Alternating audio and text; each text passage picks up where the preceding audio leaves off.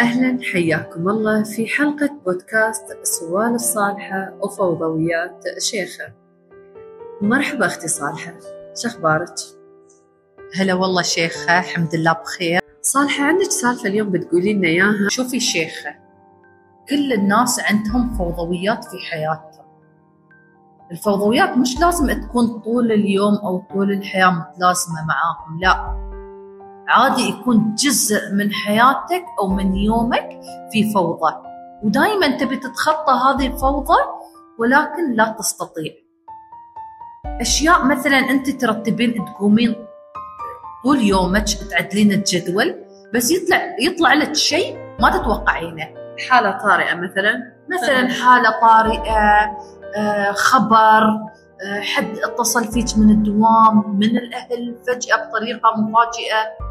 يقولون تعالي أو استوى كذا. شوفي هاي كلها في النهاية يعني أنا بسميه القضاء والقدر. قدريات. فهمتي؟ هالأشياء عادي إنها يعني أنا أحس بإنها شيء مو زين في حياتي. هو أصلا شيء عادي وطبيعي وزين. وأنا بعدين أكتشف إنه آه لو أنا ما كنت أعرف ما كنت بكتشف هالشيء اللي استوى. أحيانا ما تحسي الفوضى اللي تستوي لك. لها هدف أو غيرت فعلا شيء إيجابي لك؟ يعني مثلا أنت مرتبة موضوعك على برنامج معين هالأسبوع فحصل خلال هالأسبوع في فوضى في أحد الأيام. الفوضى هذه هل سوت إعادة جدولة؟ والجدولة هذه رتبت وضعك ولا انهيات بسلبية؟ السؤال جميل جدا لأن أنا وايد وايد صارت لي هالأشياء يا شيء فجأة في حياتي وخلاني أعيد الجدول كامل. وكان خيرا لي. كان يعني أنا وايد استفدت من هالشيء. يعني مثلا كم مرة يعني طاحت علي أمي تعبت مرضت بس كان وراه شيء خير. معناته أحيانا الفوضى تكون بداية ليوم جديد وهدف جديد. أحيانا الفوضوية تخلق منه إنسان ثاني غير الإنسان اللي نحن متعودين عليه. معناته صحيح. حلو معنى الفوضويات إلها هدف في حياتنا وإلها دور.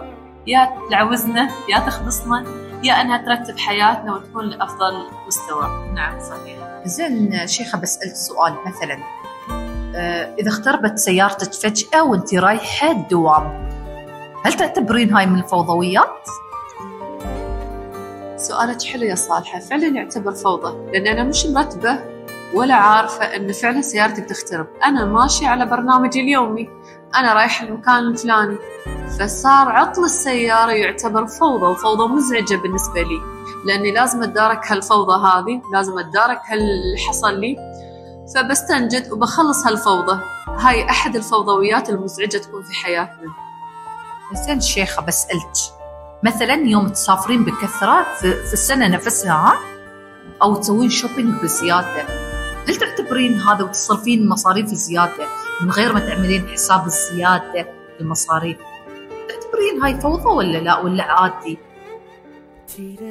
سؤالك حلو صالحة. إذا أنا ماشية على package معين ورايحة مسافرة وعندي shopping فخلاص أنا ماشية على ال package اللي عندي.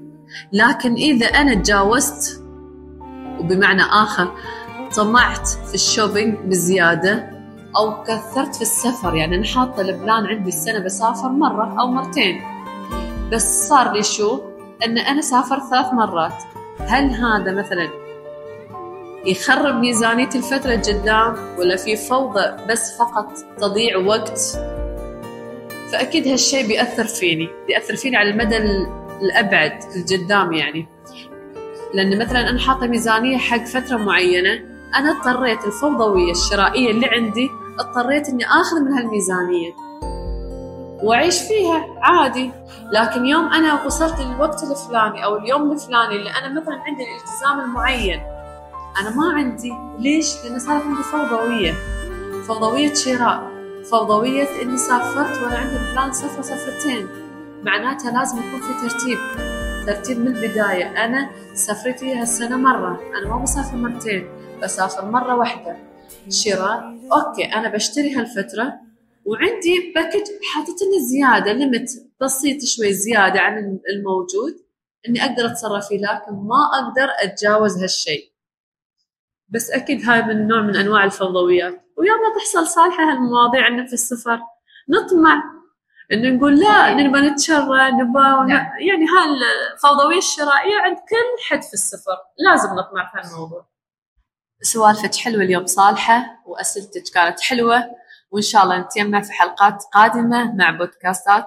جاية مشكورة الشيخة وإن شاء الله بعد نجتمع مع فوضوياتك وسوالفي ونسوي ميكس جميل جدا الكل يستفيد منه.